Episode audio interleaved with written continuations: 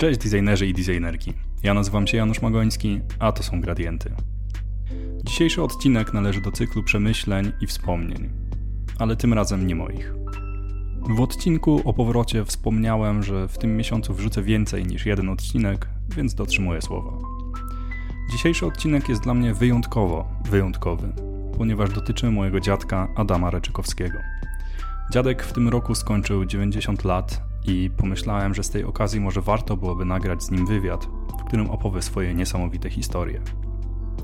Przygotujcie się na bardzo długą formę. Pierwsza część wywiadu będzie miała dwie godziny i dotyczy okresu dorastania w burzliwych czasach, bo podczas II wojny światowej.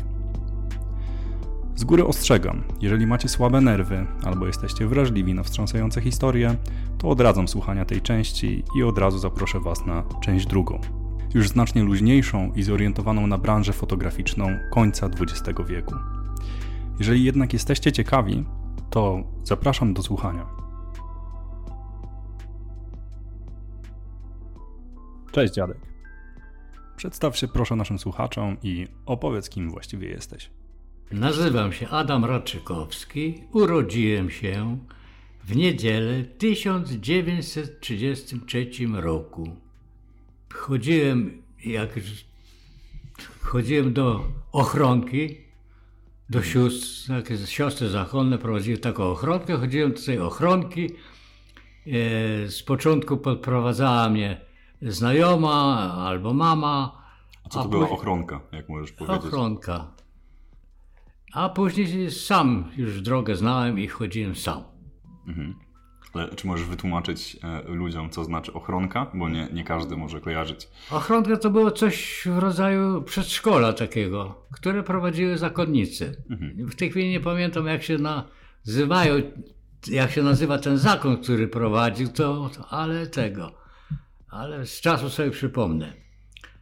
E, w każdym razie uczyli tam e, grzeczności, wierszy uczyli, różnych wyrazów ciekawych.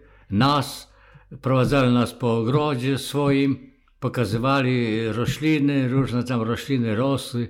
Rosła nawet taka jabłonka, miała bardzo małe takie jabłka i nazywali ją rajska jabłonka, że to jest tak jak w raju, nie? No, no i kiedyś się bawiłem i złamałem gałąź na tej jabłonce. No i później siostra powiedziała, że byłem niegrzeczny. Ja się schowałem tam, ledwo mnie znaleźli, bo się bałem. No i grzecznie przyszłem do domu i pytam się, mama ma, pyta się, dlaczego to zrobiłeś? Ja mówię, bo myśmy się bawili w Adama i Ewę, bo ja Adam, nie, i tam dziewczyna była Ewo i, i taki raj żeśmy sobie zrobili i złapałem za gałąź się złamałem. Aha. No. Ale zapytałem matki, dlaczego mnie dała na imię Adam. A mama mówi, no bo widzisz, Kazio, twój brat stale choruje, nie wiadomo, może umrze, taki słaby jest, a ja chciałem, żebyś długo żył i do tego dam ci na imię Adam, bo Adam kiedyś długo żył. Co tu jeszcze? I no które i... urodziny kończysz e, w tym roku? A urodziny kończę 90 e, lat kończę, 7 maja.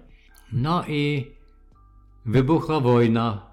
A gdzie się urodziłeś jeszcze, powiedz? A urodziłem się w Borszczowie, województwo tarnopolskie.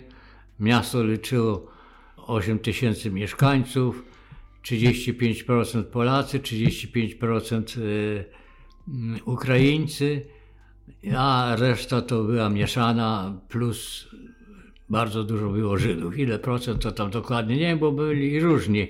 I Łotysze tam, to było miasto takie gdzie obcy przyjeżdżali szukać pracy. No. Czyli to są dzisiejsze tereny Ukrainy. A teraz Ukraina te tereny tam posiada. Na razie tylko jedna bomba wpadła. Miasto na lotnisko, które zostało wybudowane, bo przedtem nie było. Czyli łączy się na tyle silny sentyment z tym miastem, że nawet dzisiaj sprawdzasz, co tam się dzieje. No, śledzę sobie, pokazuję na komputerze i spaceruję sobie po mieście. Jak nastawię mapę tego plan miasta, to sobie spaceruję tam, gdzie bawiłem się, gdzie żyłem, gdzie chodziłem. Czyli na Google Maps, e, na tych mapach satelitarnych sprawdzasz. Tak, tak, na tych mapach satelitarnych. Budynek nasz, który zostawiliśmy, stoi. Mieszka tam taki Łemko, którego e, syn jest burmistrzem miasta. Budynek jest skryty blachą. Blacha jest Sosnowca, najlepsza blacha przed wojną. Była wysyłana do Stanów Zjednoczonych, ciężko było dostać, ale tam taki handlarz Żyd namówił ojca, żeby pokrył blachą, bo dachówka to dachówka pęka, a blacha to blacha. I do dzisiaj stoi, a budynek był postawiony y, w 30 y, roku. Ojciec sam stawiał ten budynek jako murarz. No dobrze, no i mówiłeś, że rozpoczęła się wojna, czyli ty się budynek... No rozpoczęła się wojna, no to ja już byłem w takim wieku, że poszedłem do szkoły. 17 września armia rosyjska czołgami przejeżdżała przez miasto. O trzeciej w nocy zaczęli jechać i tego. Ojciec już poszedł na wojnę, pożegnaliśmy z matką i z bratem. Chodziłem do szkoły i uczyłem się to polskiego, rosyjskiego kazali nam się uczyć, matematyki. Tak, pierwsza klasa, nie? Chodziliśmy do starej szkoły, bo była nowa, wybudowana, to tam zrobili liceum w tej nowej szkole. A ta była stara szkoła i tak, taka parterowa, papo kryta, pamiętam. Stare drzwi, trzeszczące, wszystko rozwalające się było. No i później była zmiana. Jak Niemcy zaatakowali e, Rosję, no to przyszli Niemcy. To z kolei mam świadectwo i, i, i rosyjskie, i z drugiej klasy już mam e, niemieckie. Niemieckie w dwóch językach pisane było. Mam jako pamiątki trzymam. Przed wojną takim małym miasteczku, 8 tysięcy mieszkańców, była partia komunistyczna. Należeli do niej Polacy, nie Polacy, nie wiadomo jakie to narodowości. W każdym razie przygotowali spis. Jak Ruscy wjechali, to oni mieli już spis wszystkich ważnych osób, burmistrzów, dziedziców i, i takich ludzi. Nawet, nawet komorników mieli spisanych. I to wszystko zaczęli wywozić na Sybir. Był taki dziedzic, Wilk się nazywał. Przed wojną wybudował szpicer dla miasta, e, gorzelnie postawił. No miał tam ileś tych hektarów, ja nie pamiętam, ale pamiętam, szklarnie były, to tam pierwszy raz w życiu figi widziałem, jak byłem mały, mnie ojciec zaprowadził. Z ojcem dobrze żył, ojciec mu tam różne e, murarskie e, prace wykonywał w pałacu, w dworze. No i tego. I on był zapisany przez tych komunistów na liście do wywozu. No i zaczęli się pakować, to tam do, do, wywozili dywany do, do znajomych, do nas przywieźli dwa kufry takie olbrzymie z y, odzieżą. No i tego. I przyszedł moment, podstawili wagony i zaczęli ładować tych ludzi na Sybir. Nie wiem od czego to zależało, ale na przykład mojej cioci męża też ktoś wpisał na tą listę, bo był już podejrzany, bo ktoś go namówił, żeby był wartownikiem e, w zakładach e, tytoniowych na okres zimowy i ten. I chodził tam z karabinem. No to duże, nowo, najnowocześniejsze magazyny na, na Podolu były tytoniowe. No i on i uciekł, schował im się. No to przyszli do żony, powiedzieli, że w ciągu dwóch tygodni, jak się nie zgłosi, to ją z dzieckiem wywiozą na Sybir. I tak się stało. On się schował, nie, nie zgłosił się. To ja byłem świadkiem, jak ona na furmance jechała z jeszcze innymi ludźmi do, do, na stację do, do wagonów. I ten i się niektórzy stali i się śmiali yy, z tych biednych, których wieźli na, na ten Sybir do, do wagonów. A ona powiedziała, ja tu jeszcze wrócę, ale z was tu ani jednego nie było. Jak się ta wojna zaczęła, to myśmy nie mieli żadnych zabawek, ani klocków, ani nic. Pamiętam, jak mi matka kupiła to takiego motyla na patyku, że skrzydłami machał. I tego. No to szukaliśmy rozrywek, to rozbieraliśmy pociski, granaty rzucaliśmy, broń zbieraliśmy, kradliśmy Niemcom te granaty te, z tymi yy, rączkami drewnianymi. Samochody stały na, na ulicy, bo transport zjechał, to się schowali na taką boczną ulicę, a myśmy skrzynki otwierali i pod zapazuchę ładowaliśmy po dwa, trzy granaty. No i później była zabawa. Staliśmy na takiej górce i i te granaty rzucaliśmy na dół, nie? No i chodziło o, o ładny wybuch, nie? Taka, taka była zabawa. Rakietnice żeśmy mieli. Kto nie miał, to odkombinował. Dziurki żeśmy robili w rakietach na dole, gdzie był taki miałki proch. Wsadzaliśmy z pocisku wyjęty cienki proch w tą dziurkę. No i zapalaliśmy. No i okazało się, że te rakiety rozrywają się, nie, nie strzelają do góry. No to ktoś tam wpadł na pomysł, żeby wydłubać tą, tą tekturę z przodu na, na pocisku, gdzie wylatuje, nie? No i wtedy leciały do góry i żeśmy takie sobie fajerwerki puszczali eleganckie. A ile mieliście lat wtedy? A, no to już wtedy miałem 9 lat. A, nie no. A skąd znaliście konstrukcję tych bomb? No skąd wiedzieliście, gdzie jest miałki proch, gdzie jest taki, który rozrywa A to, te bomby? to partyzanci ruscy nam pokazywali, jak zobaczyli, że to tu nie wolno za czubek odkręcać tego, tylko tubek delikatnie wyjąć tego i, i pocisk zostawić, a jak chcecie proch, to tylko ten proch możecie się bawić i tego, bo widzieli, że nie, da, nie dadzą radę, nie, nie, nie tego, nie odmówią nam zabawy. No. Także wesoło było. Ale jak, jak ojciec szedł na wojnę, wrócę do, do tyłu, no to poszliśmy z... Ach, mogę, cholera.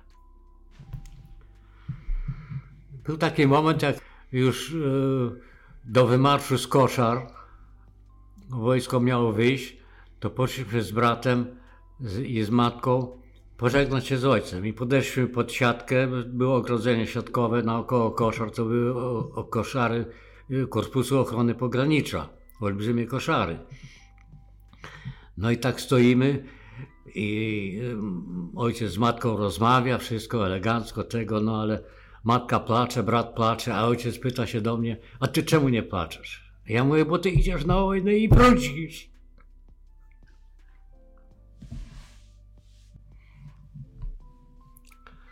No i wrócił.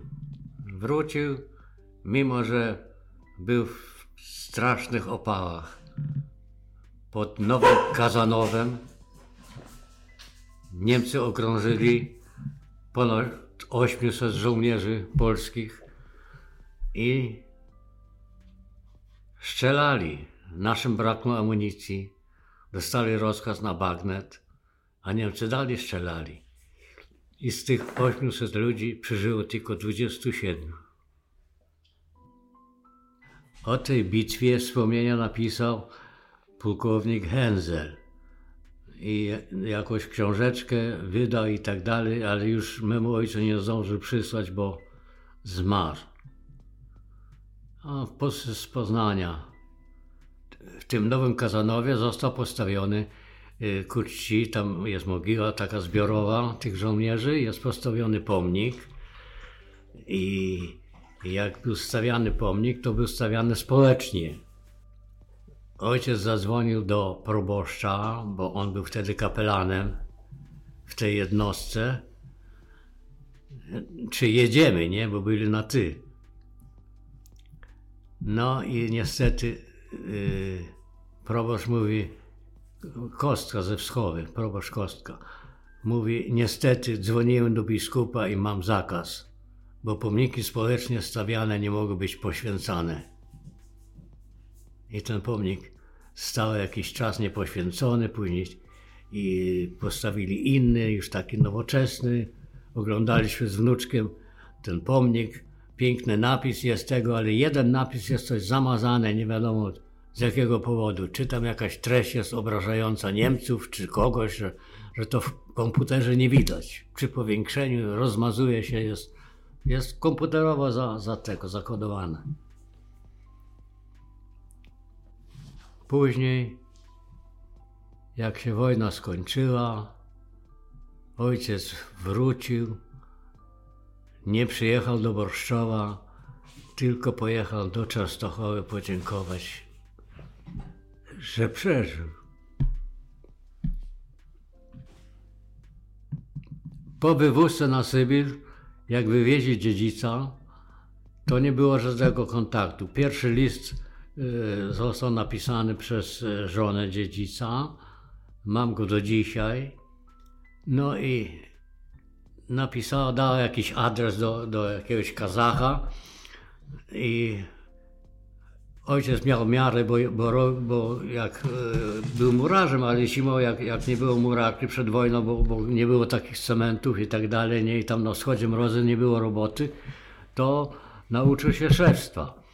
No i dlatego dziedzica robił buty i dla żony, i dla córki, dla zięcia. No i ten. I jak mieliśmy, jak mieliśmy już ten adres, to ojciec zrobił tam dla e, tej córki i dla żony dziedzica jakieś buty wysłał. Oczywiście w obcasie jakieś wiadomości były tam napisane, za, za, za zabite, to oni już wiedzieli, że tak się robi. No i dostali ten list. No i w tej parce wysłaliśmy tam, mama moja upiekła jakieś y, suchary, żeby to przetrwało, ale to wszystko elegancko na, na, na maśle tego, tak żeby, żeby to było pożywne. No to dziękowali, że jeszcze w życiu nie mieli takich świąt.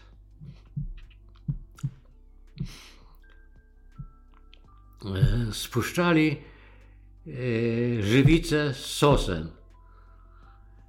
E, stary dziedzic był takiej dosyć dużej tuszy, po dwóch miesiącach zmarł.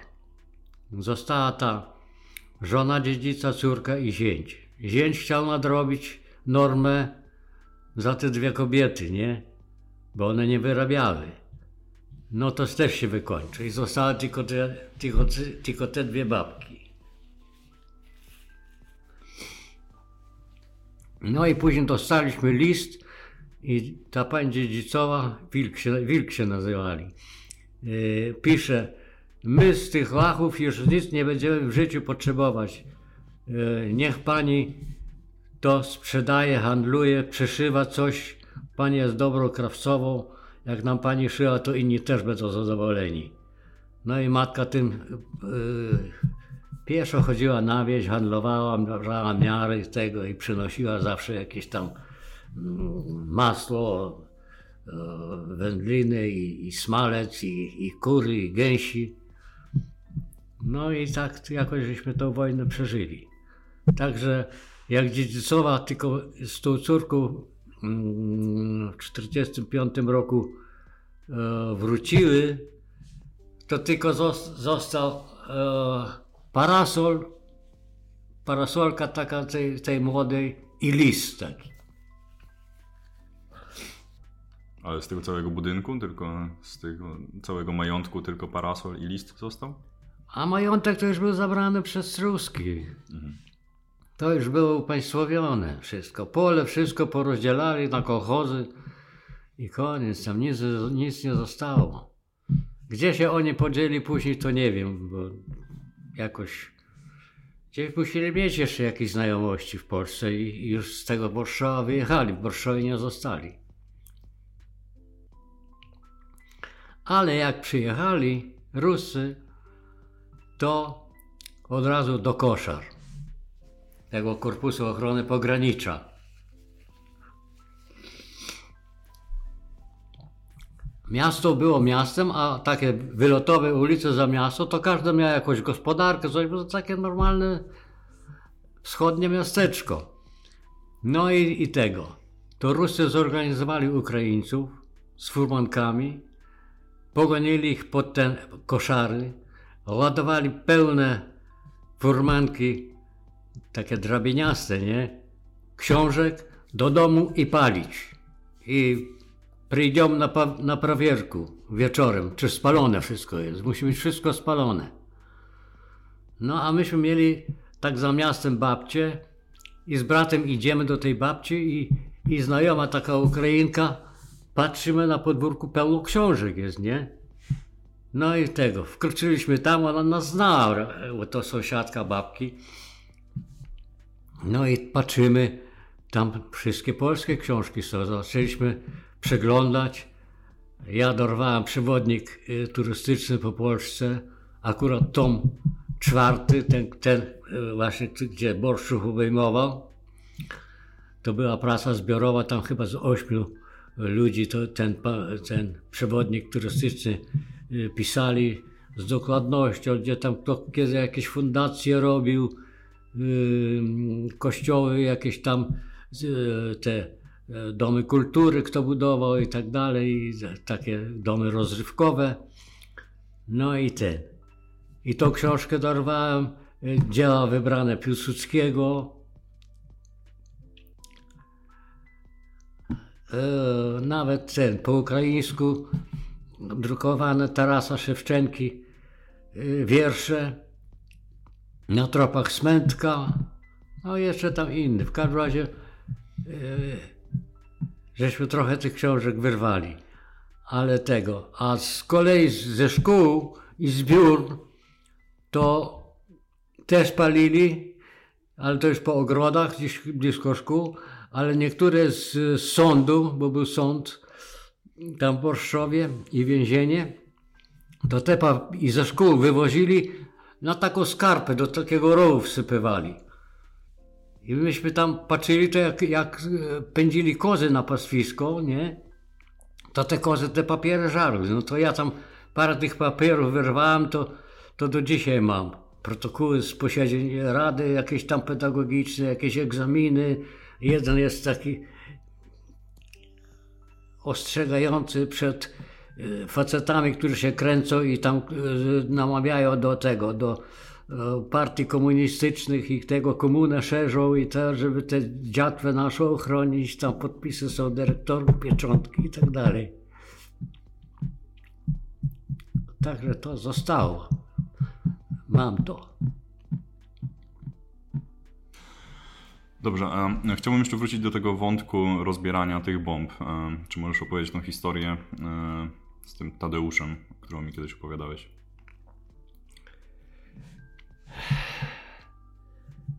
Przy rozbieraniu różnych pocisków bomb to trzeba było być bardzo ostrożnym. E, żeby ten czubek odkręcić na przykład e, z pocisku, który leci i się rozrywa jak uderza i tak dalej, no to nie było tego, to dorobiliśmy taki klucz, odkręcaliśmy ten czubek i później rozpalaliśmy ognisko, kładliśmy pocisk do ogniska i normalnie wyciekał trotyl. Myśmy to do garków łapali i tego. I, i nosili do domu, tłukli y, na kawałki i paliliśmy pod kuchnią, bo nie chciało nam się drzewa rąbać. Matka poszła na wieś handlować z tymi łachami od dziedzica nie, zostawiała nas, to my się nudzili, a, a tego. Brat nie chciał rąbać, a ja jeszcze trochę porąbałem, były za, za małe, żeby się męczyć. No to paliliśmy. Kiedyś przyszedł wujek i tego, mówi, co u was tak śmierdzi? No bo w kuchni palimy trotylem, mówi, bo nie, nie chcemy drzewa rąbać. To on zaczął uciekać, chodźcie szybko, bo się rozerwie. Ten... A my mówimy, wujek, my już tydzień czasu palimy. No i tego. No i później powiedział wam się komin zatka tymi sadzami, bo to są duże sadze, mówi z tego jak się pali i ten. A takie e, miny do piechoty niemieckie, kwadratowe takie e, 10 na 12, gdzieś takie, wielkości jak dłonie, takie kostki, to wyciągaliśmy zapalniki. Wiadomo było, że nie wolno nacisnąć, tylko wyciągnąć go i tego, i na pół siekiero i do pieca i się paliło, aż, aż pluta była czerwona. To się nazywa wartość opałowa. Wartość, o ileś tam kalorii miało, na, na pewno więcej jak tego. Jak ten miał sprowadzane teraz. A teraz, teraz, który dzisiaj jest? Mm, dzisiaj 18, e, 22 kwietnia. 22 kwietnia dzisiaj, tak? Hmm. No, 23 rok. To są wspomnienia dopiero. W każdym razie strzelanie z karabinu, rzucanie granatami to była zabawa e, pierwszego sortu. Później nas Ruski nauczył, że pancerfauzów nie można podnosić, bo jak jest klapa podniesiona, ta, taka, taki celownik, to można odpalić jak się naciśnie i ten. I, i, i można się zabić, bo z rury wychodzi ten ogień.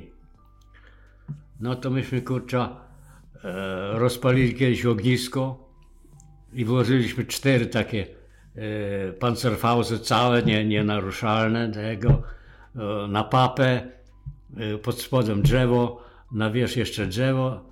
No i tak na wieczór chcieliśmy podpalić przy takiej, na takim łanie, e, żeby był fajny fajerwerk. No ale to było za Niemców i tego. I te magazyny tytoniowe były czynne i o 10 wychodzili y, z tego, zmiana wychodziła do domu. I skracali sobie drogę przez ten lan, gdzie, gdzie to ognisko się paliło. No i tego, pod lasem i szli na drugi koniec miasta, nie chcieli przez miasto iść, bo daleko. No i pewnego razu, jak żeśmy to zrobili, to facet wyszedł z, z, tej, z tych, tej fabryki, a tam nie wolno być ani, nie mieć ani zapalka, ani papierosów palić, bo zaraz Niemcy za karę wysyłali do Niemiec do roboty. No i tego tytonie gdzieś tam se na, na szpera i, i chciał sobie przypalić, bo ognisko się pali. Jak zobaczył te y, pancerfauzy, bo tam rury wystawały, to szczęście, że był taki lej głęboki gdzieś na 3 metry, podłożu gliniastym, bo tam bomby były rzucane na ten, na stację kolejową. No i wody było tam gdzieś z metr, to tam wskoczył do tej, do tej wody i czekał, aż to się rozerwie. A myśmy czekali też, żeby... I widzieliśmy, że on tam wskoczył. Byliśmy w strachu, jak nie wiem. No i, i zaczęli tego, rozrywać się te pancerfauzy i ten. I dopiero on mógł wyjść, my już nie czekaliśmy, tylko poszliśmy do domu. Ja, z mamą jestem w kościele w niedzielę, nie? I stoją sobie e, kobiety i rozmawiają. No i mówią, że tego ledwo uszedł z życiem, mówię, jakieś łobuzy nałożyli tych pancerfauzów czy coś tam i tego i byłoby go zabiło, nie? No to myśmy później opowiadali sobie i w ręce, żeśmy takich rzeczy nie robili. Czyli jeśli dobrze rozumiem, to wy te pancerfausty e, dorzuciliście do tego ogniska. Proszę? To wy dorzuciliście te pancerfausty? Tak, pozbieraliśmy pod lasem były. Co, mhm. Jak Niemcy uciekali, czy, czy tam, nie wiadomo kto tam zostawił. Ale jak e, byliśmy pod tymi koszarami przy ojcu na pożegnaniu, nie, to ojciec powiedział, tam i tam są pieniądze, tu, tu tam są dolary, tam, tam są złote dolary, tego i, i masz wziąć Adama, iść e, na wioskę 4 kilometry, tam u tej, tej kobiety kupicie krowę, komórkę na drzewo wysprzątacie, to będzie na, dla krowy i sąsiedzi wam tam pomogą na zimę i tak dalej, a, a dzieci będą pasty krowy. No i myśmy te krowy paśli na zmianę, raz ja, raz brat. No i pewnego razu e, miałem taką krowę, że uciekała do lasu, bo lubiła tą trawę jakoś tamtego, no i, i może od much się oganiała. I jak weszła do lasu, to trzeba godzinę było czekać, żeby, żeby się trochę najadła, żeby ją wypędzić, bo nie dała się wypędzić. No ale kiedyś tak pędzimy pod lasem na drodze, patrzymy jakieś snopki słomy porozrzucane, takie dziwne, ktoś to zgubił, jechał, nie wiadomo co. Krowy pod lasem przeszły obok tych, tej slomy na drodze, nie? No ale tak podchodziłem pod tą slomę, ja miałem batok i tym batokiem tak tą słomę przewracał i ktoś wyłożył pod tą słomę specjalnie na furmankę albo na krowę, diabli wiedzą na, na kogo, dwie miny czołgowe, przeciwczołgowe. No i myśmy to odgarnęli. Ruski nas też nauczył, że minę trzeba brać za ucho i, i nie wolno nacisnąć ten idzie. I te, te miny podciągaliśmy pod drzewo, pod las. No i daliśmy tam znać. No to tam byli tacy akowcy, po cichu tego i, i sprawę załatwili i usunęli te miny. Ale jakby ta krowa wracać, jakbyśmy tam stanęli, nie wiadomo czy ciężar dziecka e, mógł spowodować, czy większy nacisk jest potrzebny. Bo to były miny przeciwpancerne czy przeciwpiechotne? Przeciwczołgowe, talerze takie duże. W środku taki guzik do, do naciskania na gąsienicy. On taki guzik był taki szeroki jak to. O, Taki o tyle wystała. Miałem e, karabin taki rosyjski, krótki, myśmy to nazywali kawaleryjski, nie? Bo te, oni mieli te długie takie z tymi bagnetami jak, jak, jak dzidy. A ja dorwałem taki krótki, no i kolega koniecznie chciał ten karabin. Ja mówię, ale co mi dasz? No to tamto. Ja mówię, ja mam skrzynkę tego. Rakiet. Załatwiłem sobie, ale nie mam rakietnicy. Jak mi dasz rakietnicę, dam ci ten karabin. No i zam- zrobiliśmy zamianę. No i niestety ja załadowałem za dużo rakietę. Jak dwoma rękami trzymałem, jak wystrzeliłem, jak mi wyrwało rakietnicę, to mi ręka spuchła, że nie mogłem nic robić później tą ręką. To dużo szczęścia miałeś podczas tej wojny jednak No. i tych zabaw. W każdym razie później robiliśmy dziurki na dole w rakiecie, ściągaliśmy tekturkę z góry i tak w glinę, w rowek żeśmy wpychali, rząd cały y, tych rakiet, sypaliśmy proch y, z tego, z pocisku y, artyleryjskiego, ten miałki i tego. Podpalaliśmy i, i była taka seria wystrzałów. Niektóre rakiety były piszczące, gwiżdżące, rozlatujące się na tego, różne kolory. Sygnaliz- sygnalizacyjne tego. Ale jak No. wy to podpalaliście, żeby mieć czas na ucieczkę jeszcze? I jak daleko uciekaliście od tego? A Od tego nie trzeba było uciekać, tylko ten huk taki nieprzyjemny był, a mogła się odwrócić rakieta. To dlatego żeśmy uważali. No i kiedyś tak żeśmy... Nie, nie rozumiem, jak to nie trzeba było uciekać? Przecież to były ładunki wybuchowe. No ale to jest rakieta, to ona tak wiesz jak z karabinu strzela, rozumiesz, jak z rakietnicy. Czyli tak na sztorc ustawialiście te rakiety i one do Tak, góry na szły. sztorc, tak na ukos, wiesz, żeby nie tak do góry, tylko żeby w kierunku. No i elegancko tego. A nie było ryzyka, że ta rakieta gdzieś spadnie na miasto? Albo... Nie, to było, myśmy to za miastem robili. Aha. Nawet było pole kukurydzy, to żeśmy wybrali gdzie indziej, żeby się kukurydza nie zapaliła. W każdym razie kiedyś żeśmy taką hecę zrobili i to było przy sadzie. Te rakiety zaczęły strzelać, a my słyszymy, ktoś strzela z, z tych z, mm, pepeszy takiej ruskiej, nie? Zaczynają strzelać. A to były ruskie e, ćwiczenia wojskowe. I oni nie wiedzieli, co się stało, i zaczęli w kierunku tego sadu, gdzie myśmy tam byli, zaczęli strzelać. No i myśmy zaczęli uciekać. No i jakoś e, wlecieliśmy do takiego gospodarstwa, do Drozdowskiego na podwórze i ja wlazłem do tego, do stajni pod żłób, a kolega za drzwi się schował. A, Ruscy, a to Ruscy ćwiczenia robili. Wlecieli z tego, nie, gdzieś nie, ni- nikogo nie, tego, no i jakoś poszli, nie? Ale ja, jak uciekałem, to czułem, że coś mnie z tyłu w udo uderzyło, nie? Tak niżej pośladka z 20 centymetrów. Ja myślałem, że jakiś patyk albo coś zahaczyłem. Okazało się, że z pepeszy, jak miałem nogę podniesioną do góry, tak na ukos wpadł mi pocisk pod skórę, jakieś 10 centymetrów. I dopiero jak, jak z tych nerwów odeszłem, że już, już ci Ruscy poszli, że nie szukają nas, zorientowałem się i szybko do dziadka pobiegłem. I mówię do dziadka, że przełaziłem przez płot i, i o drut kolczasty się zahaczyłem. A dziadek mówi, to nie jest drut, mówi, tam coś masz w środku. I wziął ten okowite, w której były zamoczone mrówki tam na jakieś lekarstwo i za, to mi przewył, no i tego, i wziął brzytwę, przeciął i, i ten pocisk wyjął. Obandażował mnie, krew przestała lecieć, obandażował mnie i ten.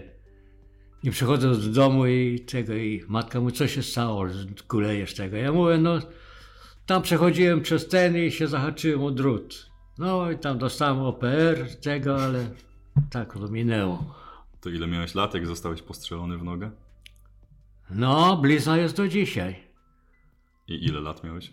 No ja wiem, 9, 10. Mm. Nie, to już tak Nie, dziewięć, bo to były takie ćwiczenia już na ten.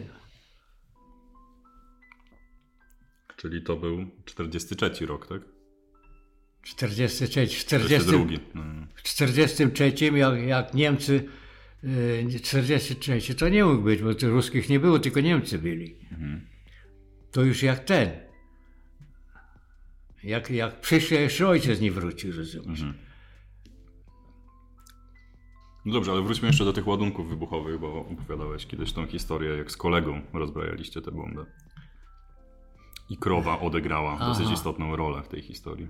Biedna krowa uratowała mi życie. E, kolega, mój chrzestny syn, starszy ode mnie, miał 12 lat. Jest niedziela, piąta godzina rano. On pędzi krowę i woła mnie. Ja się zrywam tego, bo tam zaczął gwizdać i tego Adam to. No i ubieram się, matka mówi, niech on pędzi, mówi, pójdziesz później do niego, bo ja ci nie naszykowałam żadnego jedzenia do godziny 12 czy pierwszej, nie będziesz głodny. No i ja poczekałem, aż mi matka zrobiła to jedzenie. No i tam umówiliśmy się, że będziemy y, wyciągać z, takiego pojemnika metalowego, który zleciał na spadochronie. Niemcy zrzucali to. Będziemy wyciągać pociski i rozbierać. On był tak jakoś w glinie wbity i nie wybuchł. Tam było 8 czy, czy 12 pocisków.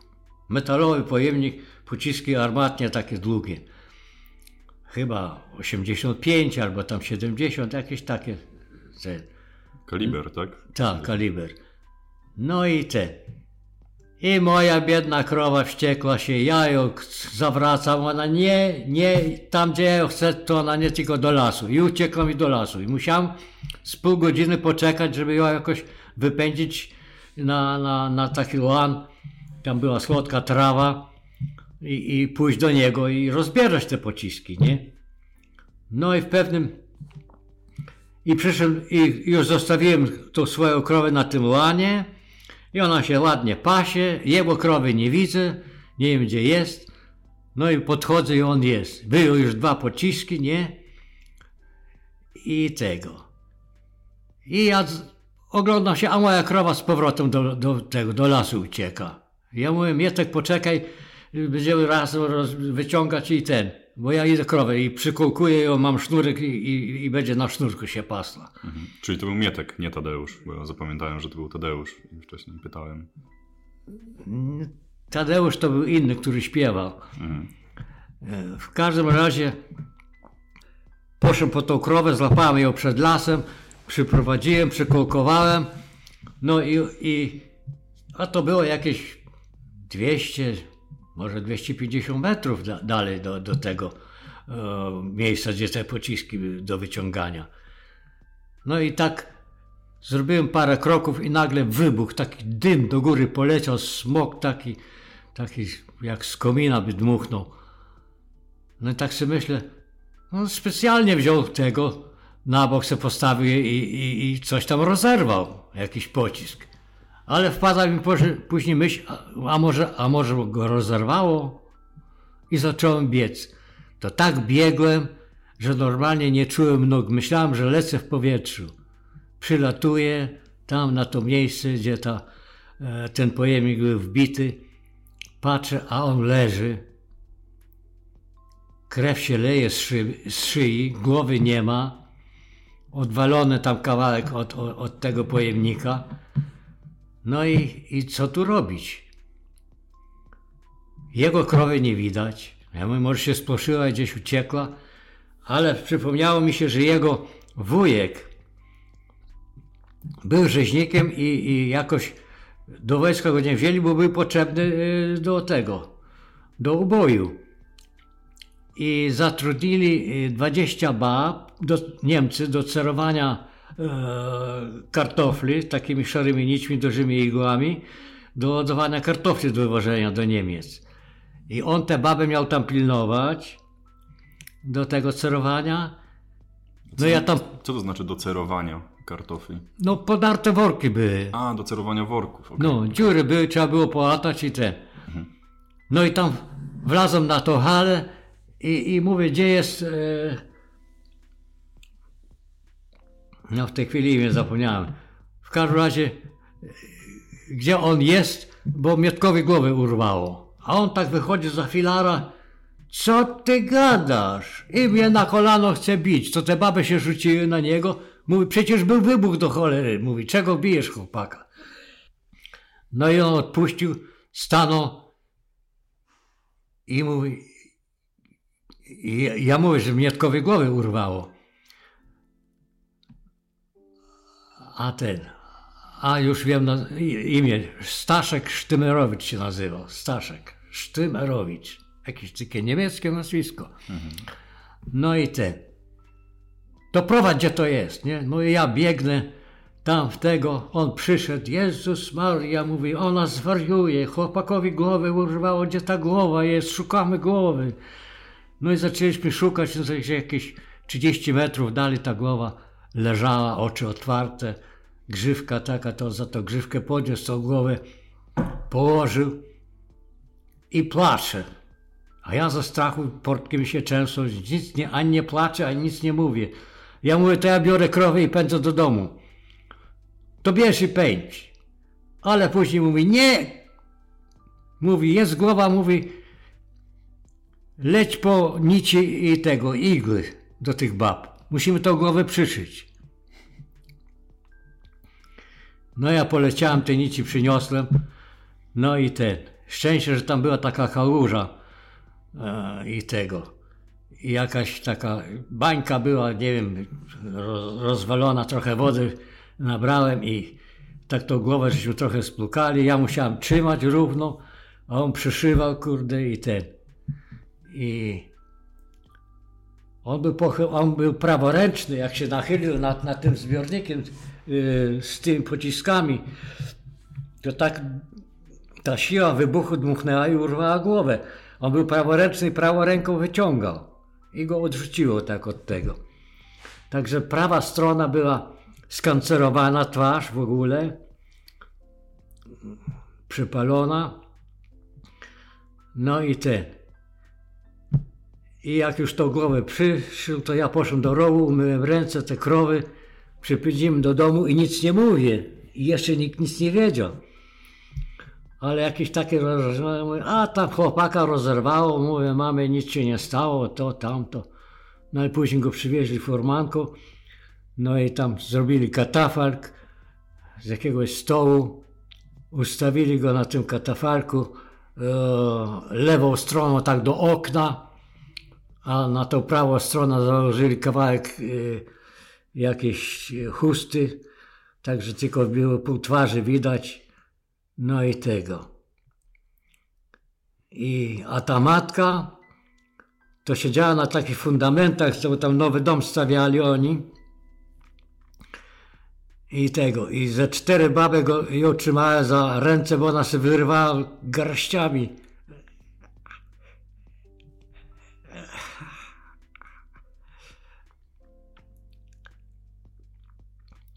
Garściami włosy z głowy.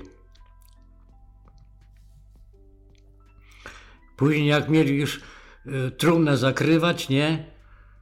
To ona chciała się pożegnać i jak chwyciła tak za tą głowę, to ten jej brat przytrzymyła, żeby głowę czasem nie urwała z tych nici. No i pochowali chłopaka. Także już później to już się zabawy skończyły z pociskami.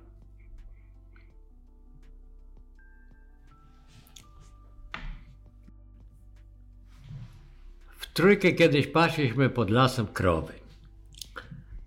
No i różne zabawy, że się tam sobie wymyślali, tego z nudów, jeden tego tam mówię, coś dam mi zawróć krowy, bo tam gdzie za daleko poszła, to, tamto. No i nagle słyszymy strzał w lesie. Ale tak gdzieś... A w trójkę to znaczy kto? Kto tam był e, w tej waszej grupie? A to taki yy, Tadek był i jeszcze jakiś tam, to tego, tego Miotka nie było, ale on jeszcze wtedy żył. No i ten. I patrz strzał, no i cisza. No może ktoś tam coś poluje albo tego, nie wiadomo co, nie wiadomo co się dzieje. Po chwili patrzymy, idzie Niemiec. Z PM-em i coś niesie w rękach, nie? Im bliżej co patrzymy, a on niesie jakiegoś jastrzębia czy orla, ale to dosyć duży ptak. No i tam tłumaczy nam, że, że chce nam go dać, że trzeba go wypchać ładnie tego, że szkoda tego, tego, tego. No i myśmy tam trochę już po niemiecku szwargotali, dankę, dankę, tego, to, on tego zadowolony poszedł. No ale minęło może z pół godziny, drugi strzał słyszymy. No, to ten. Ja nie chciałem tego ptaka brać, bo mówię, matka nie chce, żeby to w domu coś robić z tym tego. Mówię, ja tam mam sąsiada, dam to o porządzie tego ptaka. No i ten. I po tym drugim strzale, o, to będzie jeszcze jeden, na pewno jeszcze jednego zabił. Ale nikt nie przychodzi, ani nic, no ale w tamtym kierunku żeśmy mieli właśnie te krowy do domu pędzić. I tak mówimy, zobaczymy, może on już nie przyniósł, a może zabił tego ptaka, to gdzieś w tym miejscu gdzieś to musiało być, nie? I tak weszliśmy do tego lasu, penetrujemy, patrzymy, coś leży, jak, jakieś materiały tego, podchodzimy bliżej, dziewczyna leży.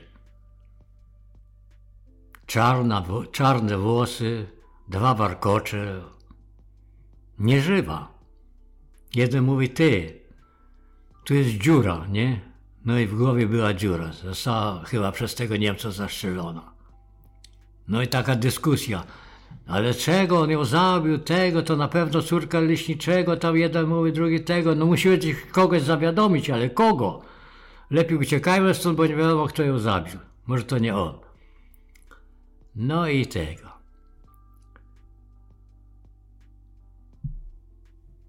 I okazało się, że on ją jednak, ten Niemiec zaszczelił. To była córka e, leśniczego. Ale dlaczego ją zaszczelił? Bo Niemcom był zakaz kontaktowania się z inną rasą. I on, czy ona jemu dała, czy, czy on ją zgwałcił, czy tego, no ale krzyku nie było słychać ani nic, co widocznie jakoś się dogadali.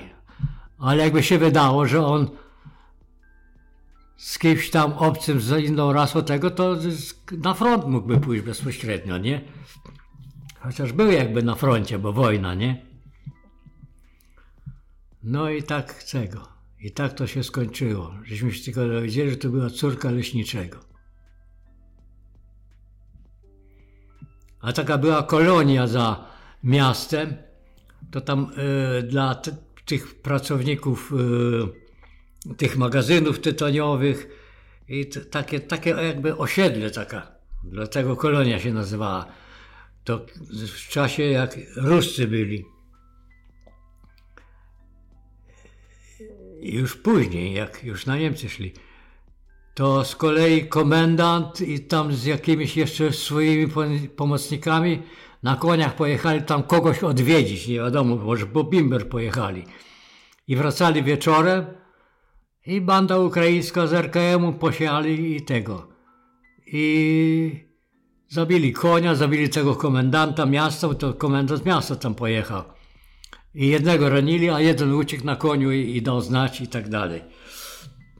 To jak wymordowali całą wioskę czy całe wesele, to Ruscy nie szukali bandziorów, ale jak zabili komendanta, to za trzy dni już dowódcy bandy już złapali Ukraińca. No i my normalnie tego ogłoszenia puścili, że w dzień targowy na rynku takie zgruzowane były po, po żydowskie domy, to zrobili szubienice i na tym rynku o godzinie 11 miał być wykonany wyrok przez powieszenie zegarków nie było jak dzisiaj, czy tam jakichś komputerów, kurde, co ja wziąłem budzik z domu, żeby patrzeć w szkole, która godzina jest, żeby zdążyć, nie zobaczyć. No i taki turner e, Żyd nas matematyki uczył i kurde, żeśmy, ja dałem cynk, że, że jest za 10, nie? Wyskoczyliśmy tak z lekcji, jak, jak żeśmy stali i polecieliśmy tam na rynek, nie? Ale tam już był naokoło tej szubienicy tłum. Ja jako sprytny mały chłopak przez klub się przepchałem i stanąłem blisko szubienicy. No i tak stoję, nie? I podjechał ten ZIS-5 ruski, nie? Z taką skrzynią, z pako z tyłu, z plandeko. Tą plandekę podnieśli i tam siedziało dwóch z karabinem i ten skazaniec, bosy, tylko tak jakby w jakiejś piżamie, ręce do tyłu związane i stołek taki zwykły, jak to w kuchni stołki są. Posta- postawili go na ten stołek, założyli pętlę. Ten odczytał jakiś tam dowódca e, wyrok. No i ten zamiast odjechać, normalnie włączyć bieg i odjechać, to skurczybyk zaczął tego gazować. Ja już się prawie zacząłem dusić, że od tego dymu nie mogłem uciec z tego tłumu, no ale wreszcie ruszył. No i ten zawis na, na tym sznurze zdążył tylko krzyknąć we u i skończyło się, pętla się zacisnęła. Ale to była, to była Chciał, zima. niech, chciał krzyknąć niech żyje Ukraina, tak? No chciał krzyknąć, niech żyje Ukraina. Ale ten, yy, to była zima. Było 15 stopni. To jego zostawili na tej szubienicy, on wisiał, a po przeciwnej stronie była apteka. To tam postawili z karabinu ruskiego, żeby tam warta się zmieniała, pilnowali go dzień i noc. Dwa tygodnie miał wisieć. Jako, ostro, jako przestroga dla bandy. No i tego. A ojca wtedy w takim artylu zatrudnili, yy, żeby tam jakieś yy, obuwie robił. I tam było pięciu chłopów zatrudnionych, szewców, i na noc któryś musiał zostawać dyżurować, żeby wróg tam coś nie zrobił, czy złodzieje nie ukradli. No i ojciec akurat miał dyżur i rano matka e, o 6 godzinie mówi, e, uszykowała jedzenie, nie, bo jak miał dyżur, to nie, nie znaczyło, że miał przyjść do domu, tylko musiał dalej pracować, nie, w dzień. No i ten. I ja z tym e, jedzeniem idę i słyszę coś tak szur, szurga tego, coś tamtego, koń tu i coś tak szumi, nie? I z daleka widzę, że koń coś ciągnie. I szybko się schowałem w bramę e, takiej kamienicy tam w mieście, żeby zobaczyć, co to jest, nie? No i patrzę, że tego wisielca ściągnęli i ten, za nogi przywiązali do orczyka i po tym śniegu, po ulicy, środkiem drogi ciągnie, ciągnie facet z batogiem, pogania konia i ciągnie. No dopiero jak przyjechał, to ja przychodzę i mówię ojcu, że tak, mówi, dobrze, że się schował, mówi, bo, bo lepiej nie być świadkiem. No, ja mówię, to już te tak uczyli, że trzeba się chować.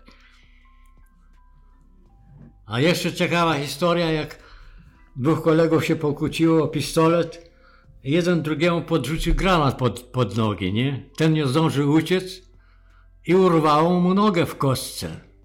Taki Piotruś. Mieszkał na, na pożydowskim mieszkaniu, um, budynku Uszera. Uszer się nazywa Żyd. Sklep prowadził. No i tego. Oberwało mu nogę. Zabrali go. My na drugi dzień, e, tam gdzie, gdzie ten wybuch był, to chodziliśmy i zbieraliśmy takie skórki z nogi pozwijane, okopcone e, do, do tego, do papiera. Ale po co? No, żeby to nie leżało, bo to jego ciało, no to Aha. chcieliśmy gdzieś to zakopać, żeby tam jakieś psy nie zjadły, czy koty. Straszne rzeczy. Ale jak to się stało, że on podrzucił granat mu pod nogi, a tamtemu się No nic ta, nie ta, stało? taka świnia wziął normalnie, za, wyciągnął zawleczkę z tego jajka, wiesz? Mhm. I rzucił, to myślał, że nie wybuchnie, rozumiesz? I urwał mu nogę. A tamten uciekł? A tamten uciekł. Też był ranny, rozumiesz? To później jeszcze musiałem do, do pieczary wynosić żarcie, bo mnie szantażował. Odłamkiem dostał, Bo tak? szantażował mnie. Mhm. Ale odłamkiem dostał tego granatu? Tak. A tego. A myśmy ze Zbyszkiem Korzanem, Korzan, Korzan, pisze się Korzan RZ, nie? Ale nie wiadomo, czy, czy czytać Korzan, czy Korzan. Jak Korzan, to już zagraniczne nazwisko, nie? Obcokrajowiec. W każdym razie jego ojciec był komornikiem. No i my z tym Zbyszkiem tą urwaną nogę zakopaliśmy pod Bziną.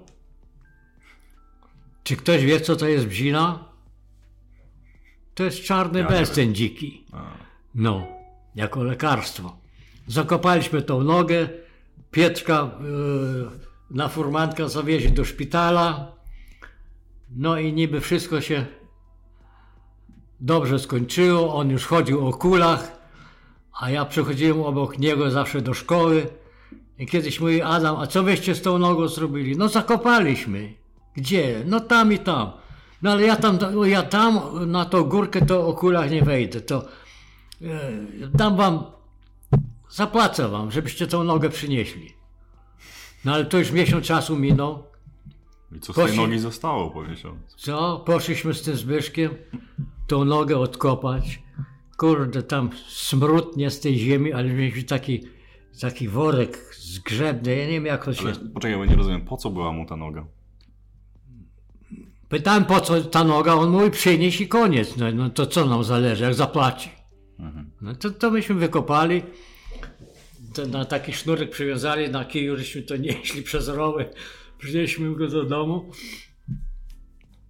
I mówi, za miesiąc, za miesiąc przyjdziecie do mnie, to wam coś pokażę. A on tą nogę wziął, gdzieś tam znalazł mrowisko, wsadził do mrowiska, mrówki mu wyżarły wszystko to mięso, ten brud, same kości zostały i on później sobie zrobił ta, taki, ta, taką nogę, rozumiesz, z kości, takie, no jak to, szkielet. Mhm. Chciał poznać anatomię własnej nogi. Pytamy się, skąd ten pomysł. Mówi, a nie widziałeś, że, że u nas w szkole jest kot, cały szkielet kota, co do kosteczki? Mówi, ja to wszystko na druciki ładnie po- posprzątałem i mam swoją nogę w domu. No, Niesamowita historia. I coś... Co z tą nogą dalej się wydarzyło? co? Co z tą nogą dalej się wydarzyło? Odwiedzali go jacyś koledzy ze szkół medycznych? Nie, on to trzyma w domu na pamiątkę, że to jest jego noga. Ciekawe. A najlepiej, rozumiesz, jest godzina gdzieś dziesiąta, wstałem, rozumiesz, tego, tam się zakręciłem, sobie zjadłem maskającego, nie było żadnych poleceń od matki, idę do Zbyszka. Gdzie idziesz? Do Zbyszka. No to idź, ale długo nie siedź. No i tam był sad, podwórko, owoce, myśmy się tam bawili.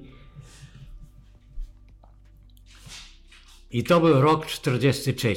To było po akcji yy, na Żydów.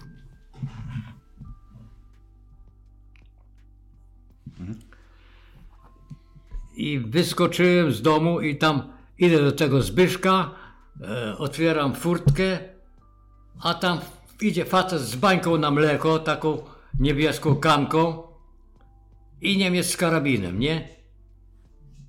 I ja ich chcę minąć, a ten Niemiec halt krzyczy, nie? No to ja stałem, pytam się jego, no, co on chce?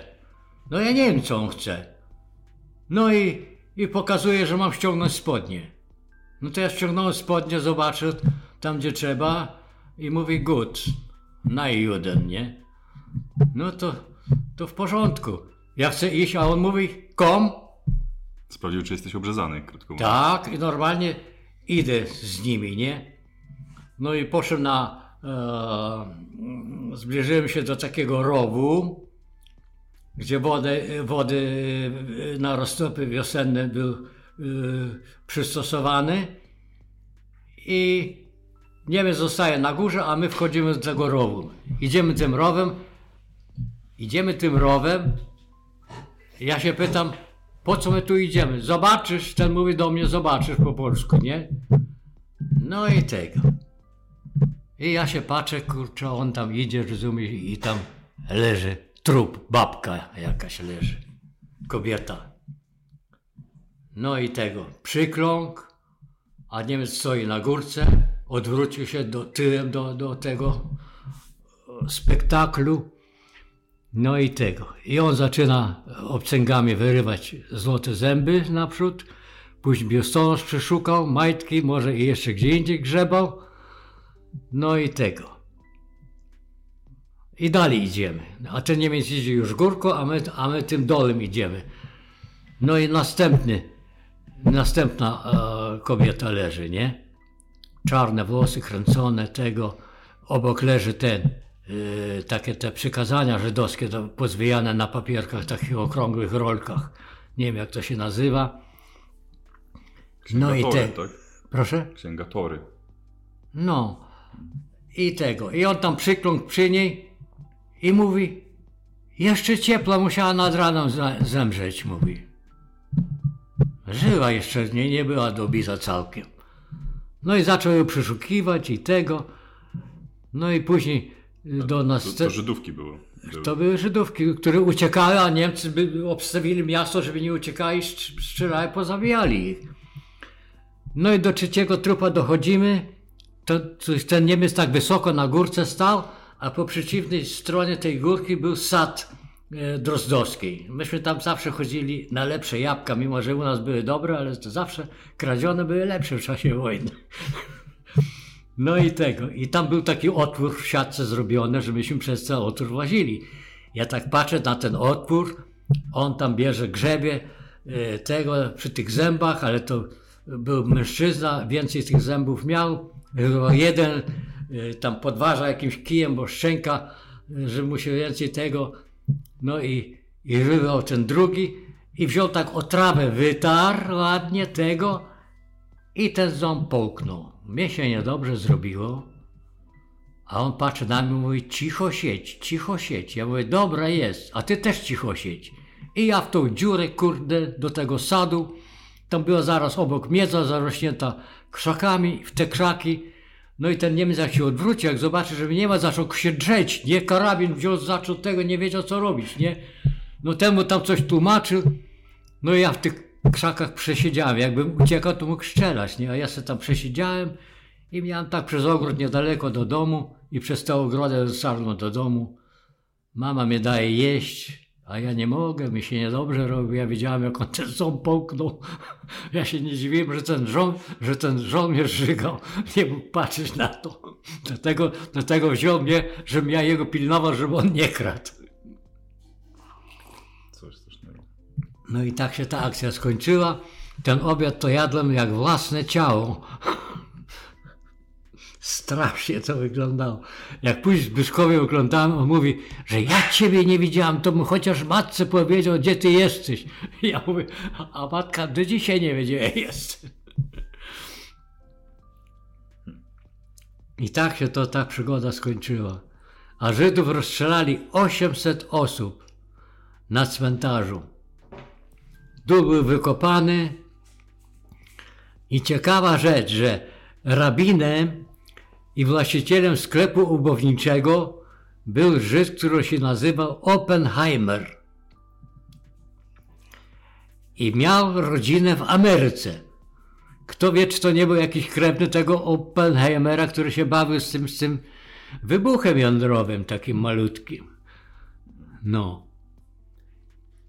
A on był rabinem, rozumiesz, i tego, i każdy rabin ma prawo sklep prowadzić, on prowadzi sklep obuwniczy i kamienicę miał, wiesz.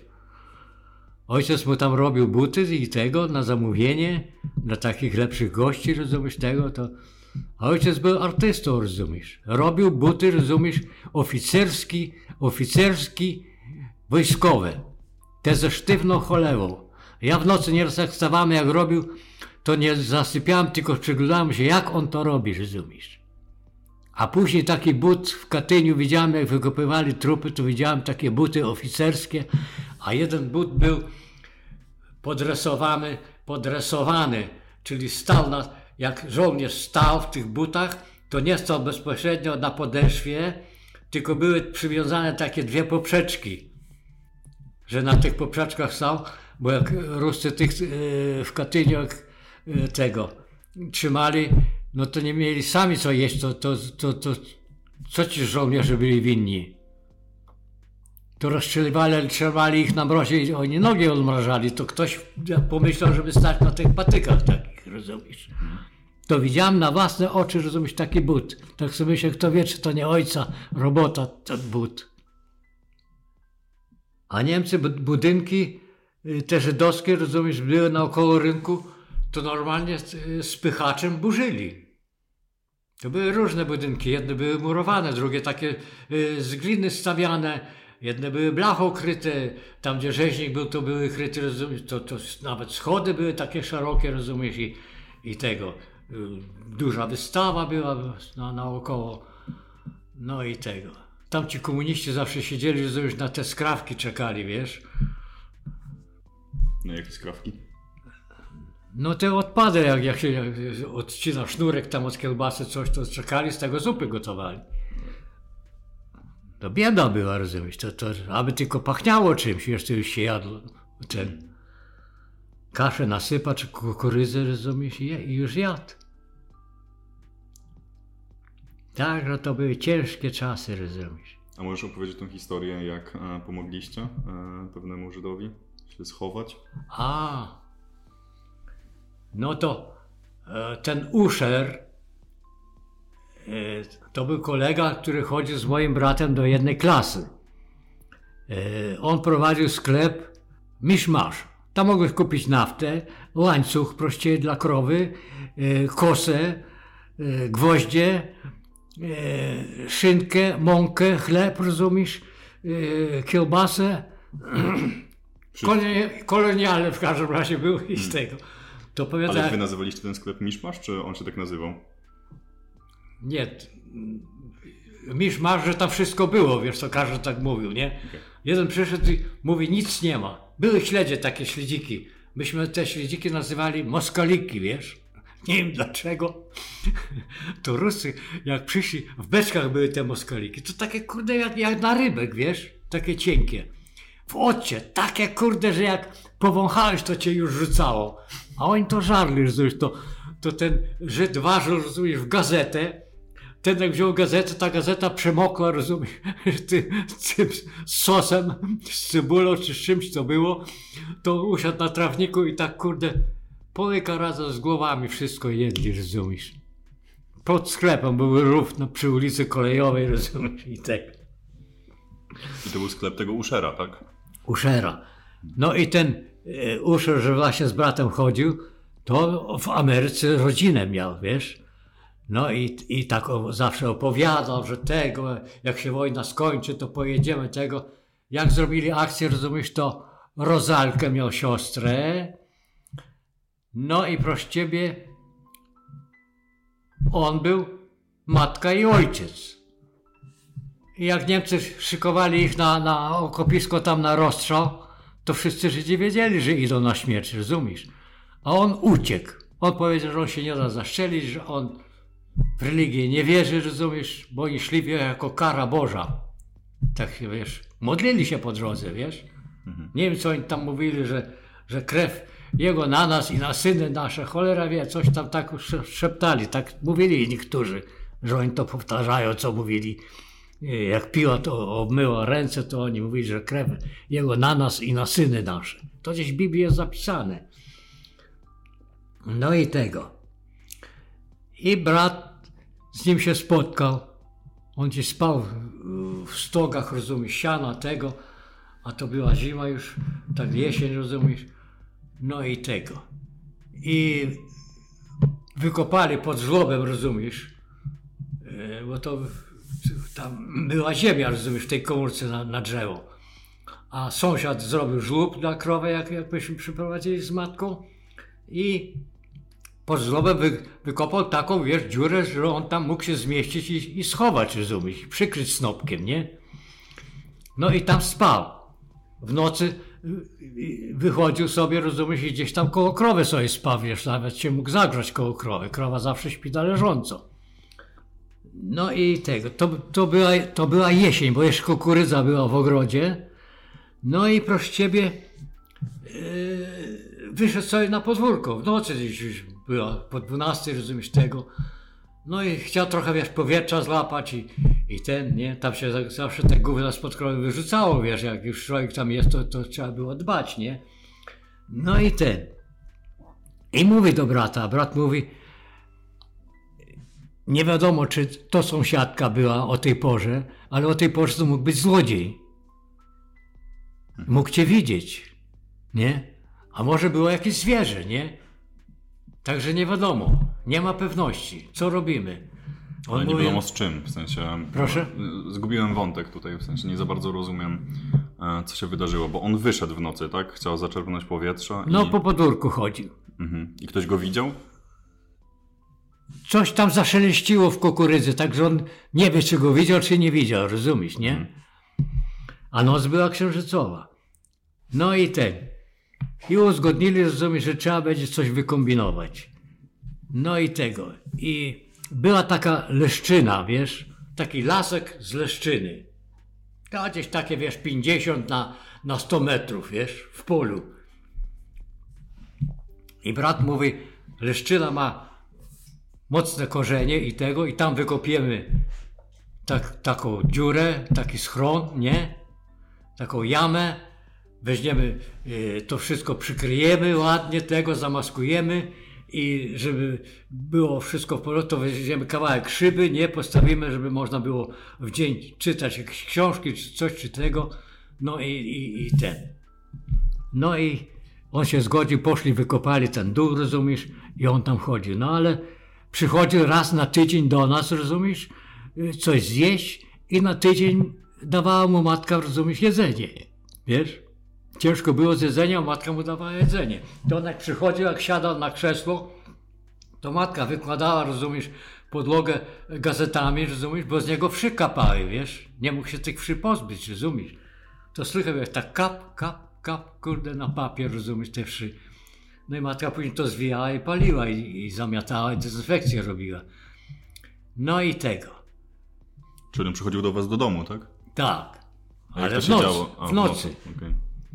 No i A to było bardzo duże ryzyko po waszej stronie, tak? No bo gdyby, gdyby się ktoś o tym dowiedział, Ale to wiesz, on tak zmian, przychodził, rozumiesz, przez ogrody, także nie szedł gdzieś ulicami, coś, bo to nasz dom tak wychodził już poza miasto, wiesz, już sady były ogrody, wiesz. No i tego. I mnie posyłała do piekarni, rozumiesz? Piekarnia była e, ogrzewana, piec, piec był ogrzewany drzewem, rozumiesz? I był ten węgiel drzewny był, a matka jako krawcowa, rozumiesz, potrzebowała do tego żelazka z duszą. Ten węgiel, rozumiesz? I zawsze mnie posyłała, rozumiesz, ja w taki worek, rozumiesz, papierowy, tam ładowali mi ci pie- piekarze, czy ja sam wybierałem ten węgiel i przynosiłem macę do tego, to jemu później przynosiłem ten węgiel, rozumiesz, do e, palenia tam w tym schronie swoim, wiesz, w tej ziemiance. No i tego. I on kiedyś przyszedł, rozumiesz? No na- dobrze, ale poczekaj, a jak on palił, to nie wydobywał się żaden dym, który mógł ujawnić, gdzie on się znajduje? Sam węgiel drzewny to tylko żar jest. A, okej. Nie ma dymu, wiesz? Dwutlenek węgla się wdziela, rozumiesz? To, to musi ostrożny być, żeby się nie zaczadzić, nie? No i tego.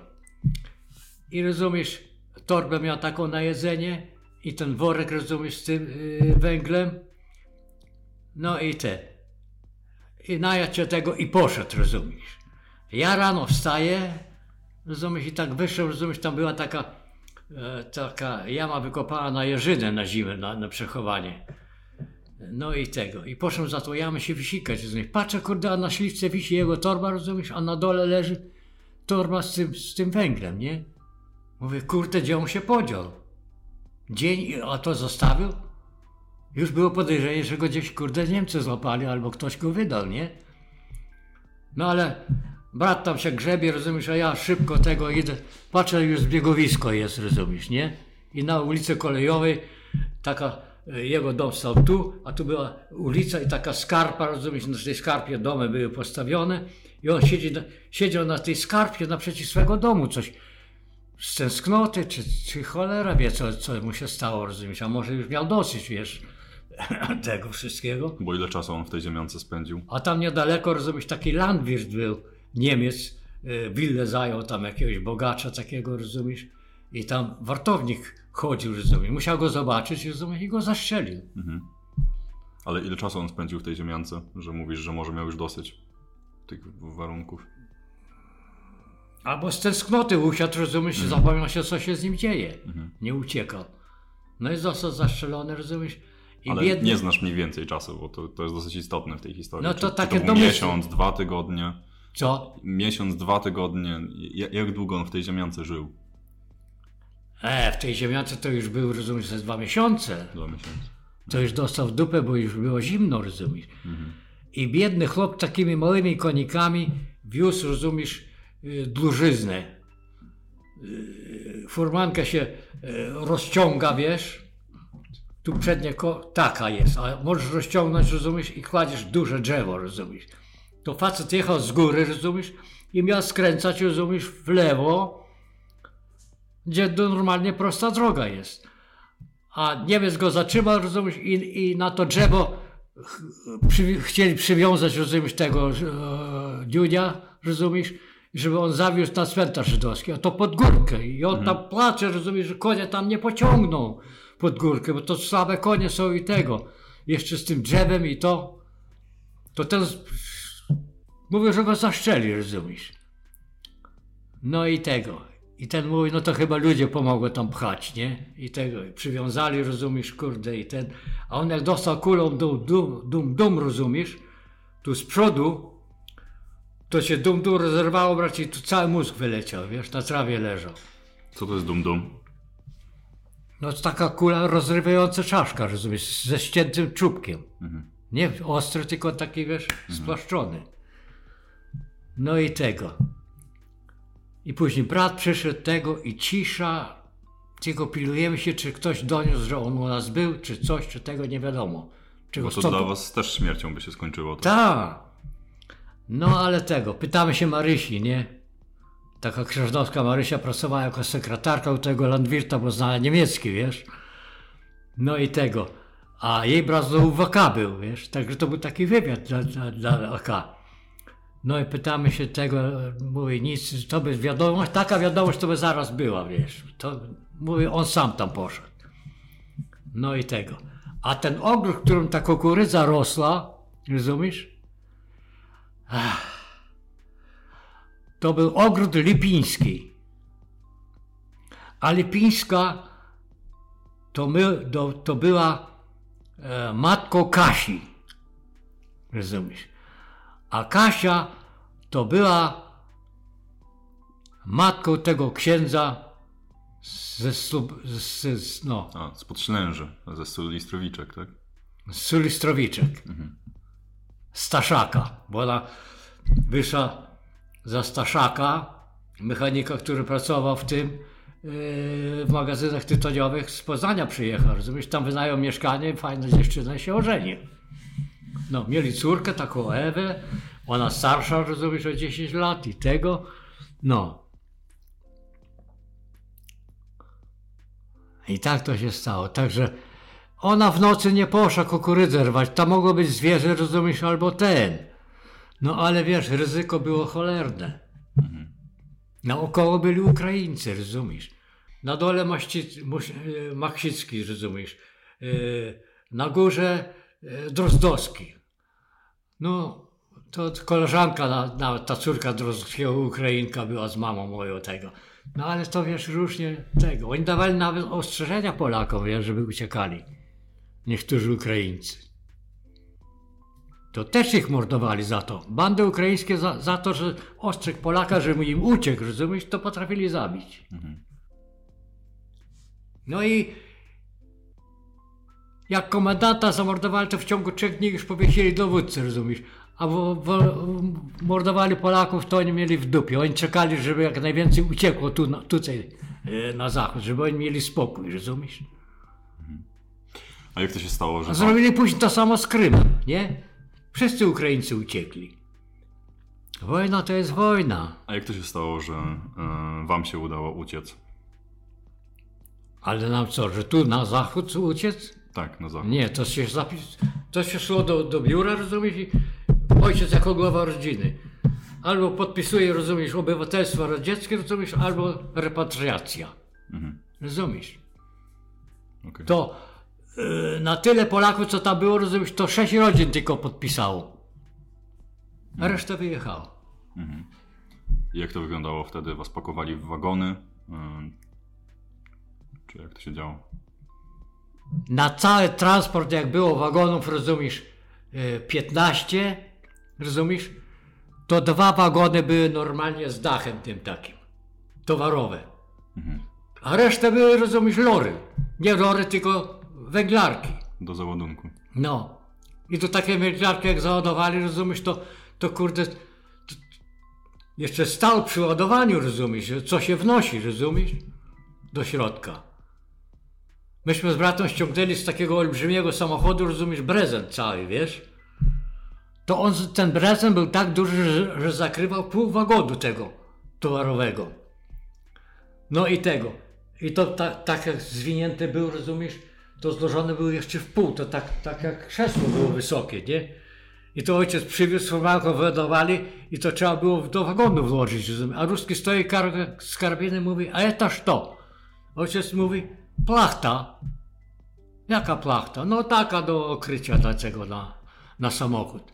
Eta nie lezia, eta kazionne je. To państwowe, to już jest ich, rozumiesz, jako szaber.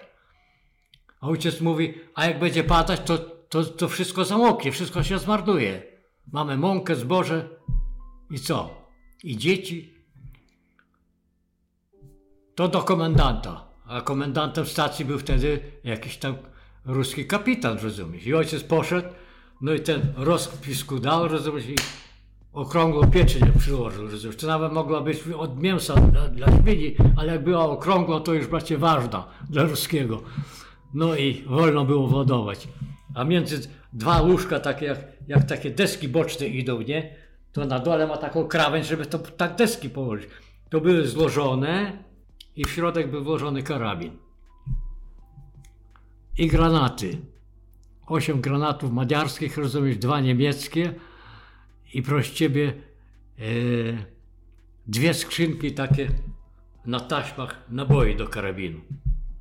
To żeśmy przewieźli przez tego. Nie skontrolował, co, to, co tam jest. Mebli nie rozbiera. Jak był stan wojenny, to ja to wszystko zniszczyłem, wiesz. Trochę naboi rozebrałem, resztę rzuciłem do tych stawów tam, a, a karabiem wziąłem piłkę, rozumiesz, do tego, do e, żelaza i pociąłem. I wyrzuciłem, wiesz, na te, do, po rowach, porozrzucałem. No dobrze, no ale jak to wyglądało? E, załadowali was do tych wagonów, jak długo jechaliście? I skąd, e, i skąd padł wybór na wschowę, bo do wschowy się koniec końców udaliście? Ta jazda to była straszna. Była wybrana wśród tych Który to był rok w ogóle? Proszę? Który to był rok? 45. 45. Komisja była. Trzech było takich, którzy o, o, rządzili tam, załatwiali sprawę na, na, na, na tego, żeby transport, żeby nie stawać, bo odstawiali na bocznicę, bo wagony szły rozumiesz, z szabrem do Rosji, rozumiesz? To, to tory musiały być wolne. To myśmy dwa tygodnie jechali. No i tego, zatrzymaliśmy się w Bytomiu. No to delegacja poszła zobaczyć, czy tu nie można się osiedlić, rozumiesz, bo można było wybierać po drodze, nie?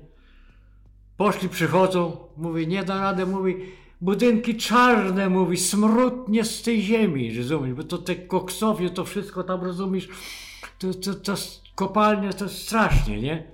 Tu nie ma co szukać, rozumiesz, ale jak nas odstawili na boczny tor, rozumiesz, to jeszcze Niemcy nie byli wysiedleni, wiesz, z Bytomia. I ten transport wreszcie trochę bimru dali tym kolejarzom i ruszył w drogę, rozumiesz. Zatrzymaliśmy się w Lesznie. Leszno, rozumiesz, broniło się przed tymi mm, reprezentantami. No bo prze, przeszkadzaliśmy im w szabrze, rozumiesz. Oni szabrowali, rozumiesz, a tu my przyjechali po wioskach, po miastach, po niemieckich domach chodzimy i zajmujemy i odcinamy, rozumiesz. Oni nie mogą drzwi zabrać, rozumiesz, od stodoły, od mieszkania, okien nie mogą wymontować, wiesz. Zabierali wszystko na furmanki, wozili. I uciekali na zachód dalej. No do Leszna wozili. Ze Wschowy do Leszna wozili, z Gogowa wozili do Leszna. Facet, Ale kto? Niemcy? Polacy. A, Już okej, po wojnie. okej. Jeden, rozumiesz, Taka walka była po prostu. Jeden woził silniki elektryczne, rozumiesz? I, i główki maszyn do szycia, rozumiesz? To tak stryk zapierdzielił, że mu się strop zawalił. Od tego ciężaru. To już tam tony były, wiesz, tego. To ciężko sobie wyobrazić, rozumiesz? Ile jechaliście do tego Leszna? No, do Leszna e, to w Lesznie żeśmy długo nie stali, wiesz. Też tam poszli oglądać, rozumiesz, nic nie ma, nic nie ma. E, Wszystkie pożydowskie budynki, rozumiesz, od razu z- w Lesznie pozajmowali. Nie było mowy. No i jedziemy w kierunku Gogowa. No i pociąg stanął, rozumiesz, e, w Niederfeld. Poczekaj chwilkę, sprawdzę. Wioska, Sprawdzam, jaka jest odległość z Borszczowa do Leszna. 10 godzin 13 minut teraz z samochodem by się jechało. 942 km. no, Ile czasu jechaliście tym pociągiem? dwa tygodnie. Dwa tygodnie. No. No i wyobraź sobie, w tym Niederfeldzie pociąg stanął, rozumiesz, przed takim wiaduktem, rozumiesz. Wieś duża taka, widać, fajna, rozumiesz, tego. Ruski konwojował, wiesz, jechał razem z y, maszynistą, rozumiesz, z tym palaczem, rozumiesz, konwojował. No i wygróżaćca, wygróżaćca, rozumiesz. No to tam zaczęli wyrzucać, wiesz, wszystko z tego y, na, na taki, między torami, wiesz. A po jednym torze tylko pociąg dojeżdża, dalej nie jechał, bo miny były jeszcze, wiesz. Ale tam jedna baba taki tobo wyrzuciła, rozumiesz, takie pierzyny zwinięte jak to tego. To się zaczęło kulać, rozumiesz, i, i jak nasyp jest sorowy, spadło z tego nasypu i na minę trafiło. To rozerwało się, pióra poleciały, rozumiesz, tego, co się stało. No, miny tu są. No to koniec. Nie rozładowujemy się. Muszą saperzy przyjść i rozładować. I do tego ruskiego, a ruski wyjął pistolet i mówi wyładowywać cię, bo, bo tego, bo wody braknie w lokomotywie i rozerwie y, ten, kocio. A tam jeden podczas ten pistolet złapał, mówi spokojna, mówi, będzie woda. Niedaleko było gospodarstwo takie, rozumiesz, ustawili rząd, rozumiesz, i z wiadrami, wiadrami, całą wodę ze studni wybrali. Zalali tą lokomotywę, rozumiesz, a ten pieszo to y, tam dwa kilometry do Gogowa.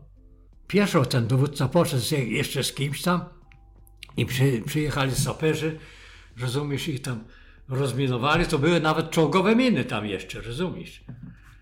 No i później y, przyjechali saperze, także szukali wszędzie, rozumiesz, bo nie było rozminowane. No i te, zaczęli zajmować gospodarstwa. Ten, kto nie miał nic, to gospodarstwo zajmował. Ten, kto zostawił gospodarstwo, to już nie chciał gospodarstwa, a mój ojciec to w ogóle nie chciał nic. Ale z tym, z tym Krzyżanowskim i jeszcze jedna rodzina, trzy rodziny zajęliśmy jeden dom. Piękny dom, rozumiesz, nie? Na jednym pokoju jeszcze mieszkał ten właściciel tego domu. Pod schodami był Niemiec zabity, rozkładający się. Ja to widziałem, jak, jak sprzątali, zakopali go tam na ogrodzie i wapnem tam, wiesz, za dezynfekcję zrobili, żeby kobiety nie widziały. To sami chłopi tam poszli, to i do mnie mówią, że już matce nie mówię. Bo by się bała po tych schodach wchodzić, tak po schodach było tak wysoki parter, rozumiem. Do dzisiaj ten dom stoi tak odstawiony, kurde, jak cycuś. No i ten. I proszę ciebie, żeśmy się tam osiedlili, no. Nie było, rozumiesz, e, ani świec, ani nafty, ani prądu, rozumiesz. Na pociemku wszystko. Ten autochton był, myśmy tam chodzili e, na wieś, wiesz, po szaber, no to tam zawsze coś się przyniosło, to, to sól, rozumiesz, to e, jakąś mąkę, coś tam się znalazło, rozumiesz, i tego. Jaja proszkowane, no i tak tego. I później rozumiesz, a jak przynieśliśmy kiedyś szaber, rozumiesz, i jest tak, takie tekturowe, taka byczulka tekturowa. Ja myślałem, że to dekstryna, a dekstryna była używana przez szewców. Mówię, to ojcu się przyda, bo to tego. No to załadowaliśmy na wózek. Jeszcze tam coś. No i z tym wózkiem jedziemy, rozumiesz. Taki czterokołowy, ładny wózek. Jesteśmy już tak w pół drogi, rozumiesz? Do rowu nie wolno wchodzić, ani z rowu nic brać, bo miny wszędzie, rozumiesz? Idzie naprzeciw nas takich dwóch facetów.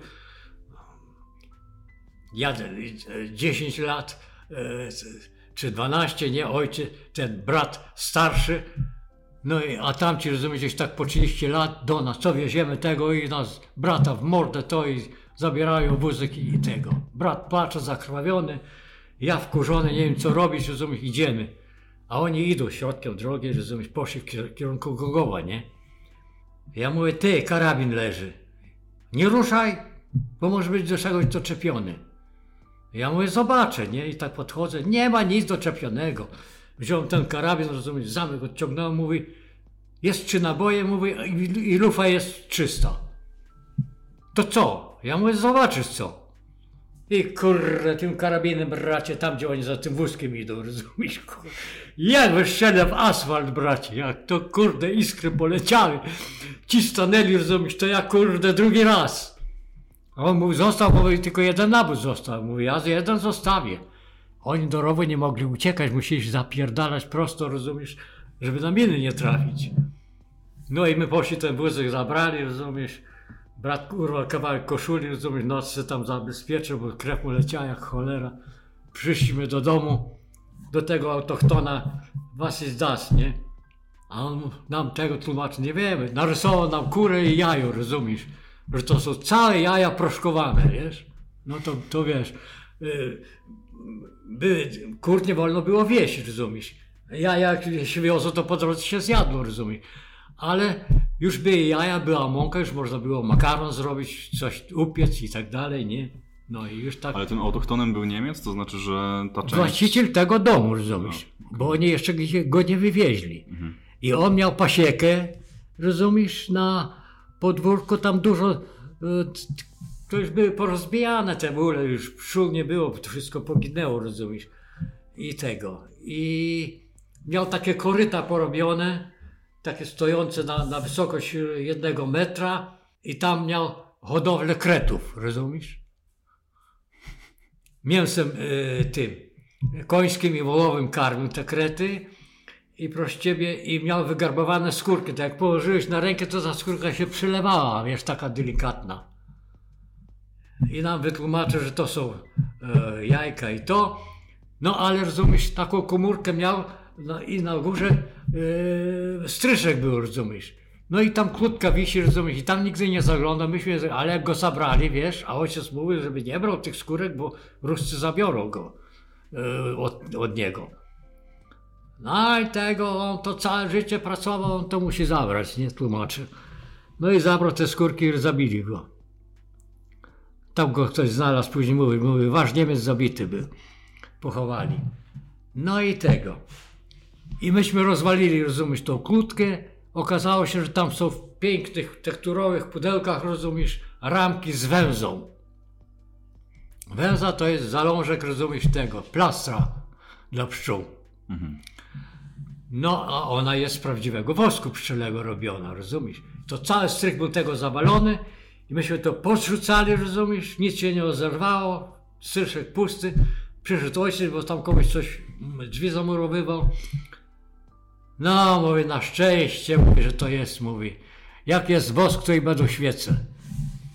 I wykombinowali, rozumiesz, ten, ten wosk topili, takie karnicze były mosiężne, gdzieś o średnicy y, ponad 3 centymetry, wiesz, grube. To ten knot się robiło, tam z czegoś robili knot, rozumiesz, nie? Z jakiejś bawełny czy z czegoś. I proszę ciebie, przeciągało się ten knot, zalewało się z góry, rozumiesz, roztopionym woskiem. No i była świeca, ale trzeba było ją wyjąć z, z tej rury. To się podgrzewało, wiesz, delikatnie, rozumiesz, i kijem się wypychało.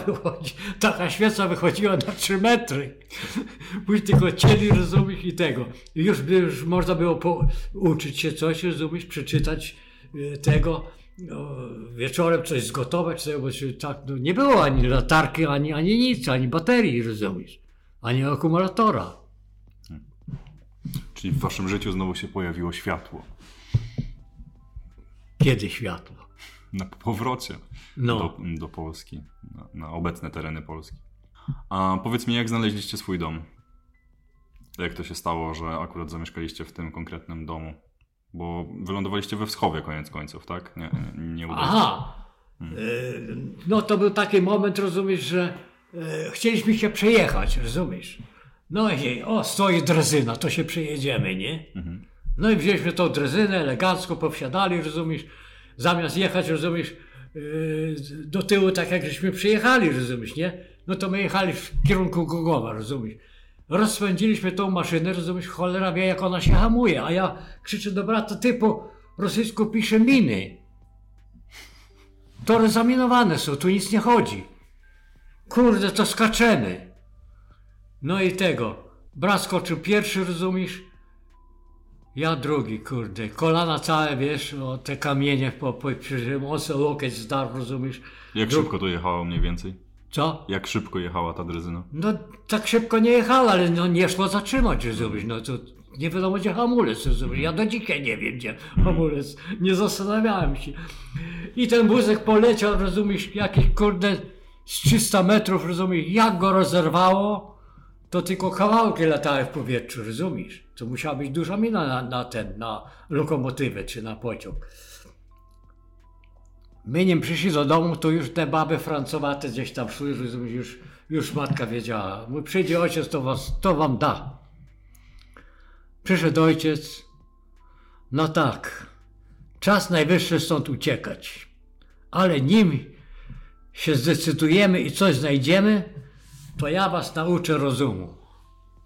Przyniósł łańcuch, zrobił dziurę w nodze od stołu, przeciągnął drut, skręcił takimi obcęgami, że rękami tego nie odplączesz. Bratu na nogę, mówi, on tu będzie siedział. Jak będzie chciał się załatwić, to mu przyniesiesz nocnik, tu będzie jad i tego. Jak mnie nie będzie. I ja was nauczę rozumu. Ja was muszę uchronić. No i proszę ciebie, pojechał do Wschowy, i tam na Berlińskiego, gdzieśmy teraz jechali, mówiłem, że puka. Tam taki duży pokój, rozumiesz, i kuchnia, i łazienka, i ubikacja. To załatwił, rozumiesz, na razie, nie? I tam żeśmy y, zamieszkali. Ale rozumiesz, jak te rzeczy, które żeśmy mieli, jak załadował na furmankę, to się nie zmieściło naraz, rozumiesz, nie? No to ktoś musiał zostać, pilnować to, co zostało, Matka jechała na furmance, a to jednym koniem było ciągnięte z do Wschowy. To brat z ojcem szedł i ten furman szedł, rozumiesz? A furman był wynajęty ze Wschowy. No i tego. A ja tam pilnowałem. Później, rozumiesz, jak przyjechali z Forcą, brat już został tam z matką, a ja później z ojcem i te 24 km pieszo zapieprzamy z Głogowa do Wschowy, ale w porządku było, rozumiesz? No i te. I tam o, zaraz żeśmy króliki zahodowali, wszystko, ogródek był fajny, orzech był tego.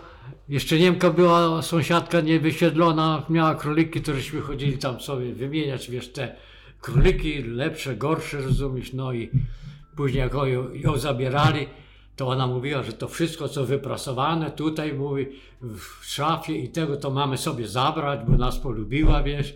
Myśmy się niemieckiego od niej trochę uczyli. No i tego. Ale jak ją zabrali, rozumiesz, to już ludzie zaczęli wszystko szabrować, rozumiesz, już nie było co zabrać, to ja wziąłem taką pierzynę puchową, rozumiesz? No i, i trochę tej pościeli jeszcze zabrałem do pierzyny, nie? Ale bałem się do domu wnieść, to zaniosłem do piwnicy, do bali wsadziłem, takie do prania, przykryłem tam czymś, rozumiesz? I tego. I to tak stało i nie wiedziałem, nie wiedziałem kiedy to przynieść, rozumiesz? Czy, czy jak będzie ojciec, czy czego, czy jak sama matka, nie wiadomo kto będzie mnie bił, kto będzie mnie gonił, rozumiesz? Bo nie wolno było szabrować, nie? Ojciec nie pozwalał. No ale tego. Mnie jakoś nie było w sobotę, matka pranie chciała robić rano i ojcu kazała przynieść bali. Ojciec czego przynosi? Mój tym jakaś pierzyna tam była, mówi i pościel. A mój coś tam Adam chodzi do piwnicy, no i tego. Masz to zanieść z powrotem. Ja mówię, gdzie, komu zaniosę? Komuś, żeby znowu wziął? A będziesz spał pod tą pierzyną? Ja mówię, to jest puchowa pierzyna i tego. I baba nie była stara, nie śmierdziała, mówi, to ja mogę pod nią spać. To będziesz spał. Powiedz mi, ile miałeś lat, jak e, przyjechaliście do Wschowy? Bo to był 45, tak? W 45 przyjechaliście do Wschowy. 45, a 33 33. To 12 Okej, lat 12 miałem. 12 lat. A jak przyjechaliście do Wschowy, e, to jak to było na początku, zanim znaleźliście mieszkanie? Wy koczowaliście e, jakby z jakimiś zaprzyjaźnionymi ludźmi? Czy, czy jak to wyglądało? Bo no nie mieliście żadnego miejsca zamieszkania, żadnego schronienia, musieliście jakoś wszystko zorganizować. No, e, szło się to pór. Dlaczego? Państwowy Urząd Repatriacyjny, to się PUR nazywał. No, a Lorenz nawet tam e, jako taki urzędnik, bo on kiedyś był, rozumiesz, tym urzędnikiem w biurze, nie? To tam załatwia sprawę takie, wiesz, na, na te pisma, czy niektórzy przyjechali, przecież nie umieli czytać, nie? No i tego. I, i chyba to przez, tak, to przez Lorenza, wiesz? Bo on naprzeciw zajął tam e, mieszkanie dwupokojowe, duże pokoje i kuchnia i łazienka i tak dalej. Tak, ten dom stoi do dzisiaj, rozumiesz. A to było takie wolne, rozumiesz? I tam właśnie ojcu pokazał, mówi, później coś znajdziemy, nie? I tam żeśmy się sprowadzili, no to było za małe, rozumiesz, bo to... Ja z bratem spałem w kuchni, kuchnia taka, rozumiesz, jak pół tego, wiesz? Duża kuchnia, pokój trochę ciut większy, rozumiesz. I łazienka i ten. No to my z bratem spaliśmy w kuchni, a ojciec z matką spał w tym pokoju. Brat spał na łóżko, ja spałem na bambetlu. Wiesz co to jest bambetel? Nie. To jest lawa drewniana. Mhm. To jest lawa drewniana, Wytłumacz, nie, nie pokazuj, bo nie tak będzie. ja, jakby, jakby to było o, o, z oparciem takim na ukos. Tutaj tego, rozumiesz? I teraz podchodzisz i, wys, i wysuwasz z tego taką jakby szufladę, wiesz, na całe takie łóżko, jakby szuflady wy, wysuwasz. A to na czym siedziałeś podnosisz na wieko. I masz takie, rozumiesz, łóżko, że jeden może się dobrze wyspać na jedną osobę. Tam siennik jest pod spodem, rozumiesz, czy materac, rozumiesz, i tak dalej. I pościel tam jest i na dzień zakrywany siedzisz jak na ławce, a na noc tego. Ja nie wiem z, jaki, z jakiego to języka, to, to chyba po ukraińsku jest bambetel. Może. Ja nigdy nie słyszałem. A ciekawe, czy w encyklopedii jest albo w internecie. Trzeba sprawdzić. Ale to trzeba jakieś. Teraz by trzeba by się jakieś Ukrainki zapytać, czy coś wie na CC. Ale z tych młodych może nie wiedzieć, ze starych tak. Zapytam. Ale to, to e, jakiś tam bratanek ojca jako stolarz, bo meble nam robił, rozumiesz, i tego, to, to ten stolarz ten bombetel robił. Mhm. Bo to w dzień mało miejsca zajmuje, rozumiesz? A tu jest wysuwane, bo jeszcze nie było takich tapczanów rozkładanych jak dzisiaj. No i jednym słowem, po powrocie zaczęliście po prostu układać sobie życie, tak? No i zaczęło się układać do szkoły, rozumiesz, tego. E, Ja byłem wielkim rozrabiaką, rozumiesz, nie, nigdy się nie chciałem podporządkować. Tak, kurde, coś tam tego, rozumiesz, coś tam przeskrobali. Aha, byliśmy na basenie i faceci te papierosy z cutkami gryźli, jest taki klej robił i, i do sufitu przylepiali, wiesz. Mnie się tak to podobało, cały basen tak oblepili tam koło szatni.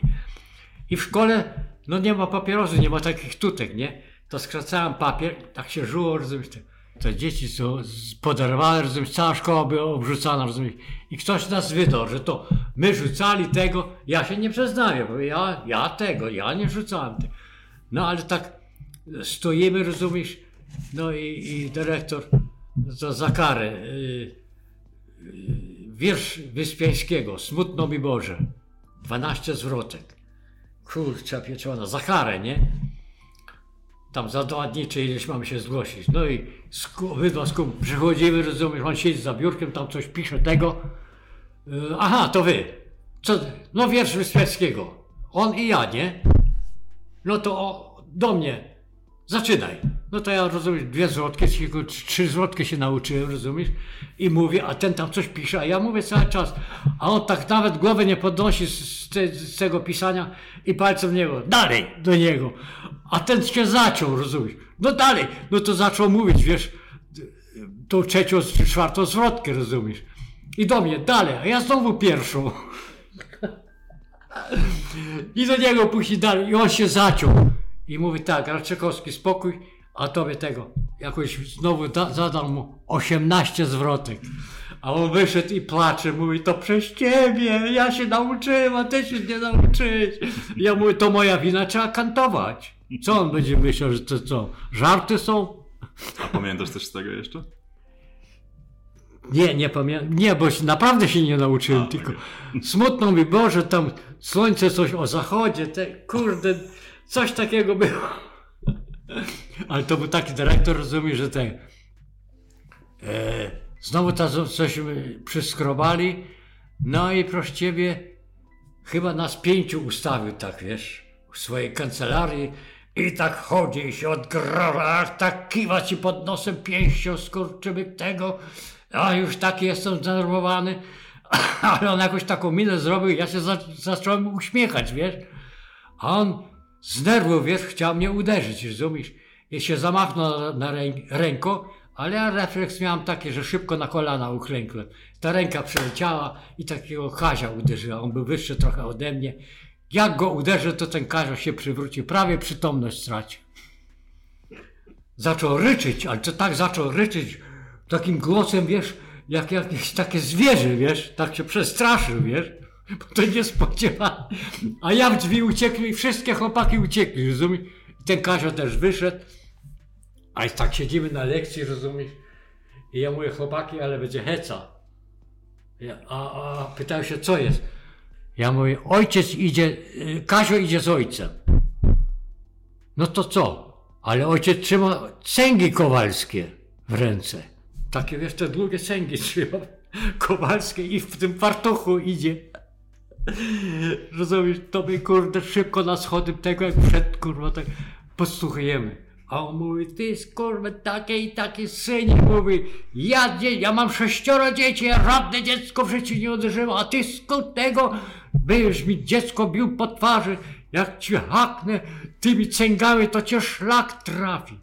Mówi, ale ja idę do komitetu. To nie ma tak tego, już się partia zawiązała, poszedł, kurwa, przynieśli go od razu. Bo nie wolno było bić dzieci, rozumiecie? Kurde.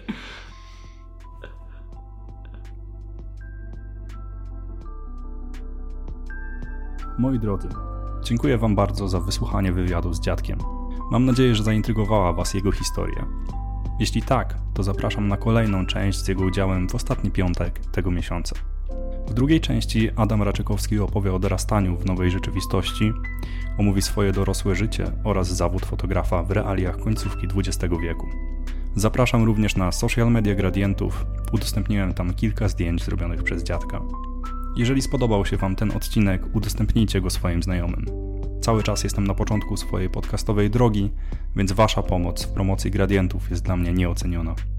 Dzięki, trzymajcie się i do usłyszenia.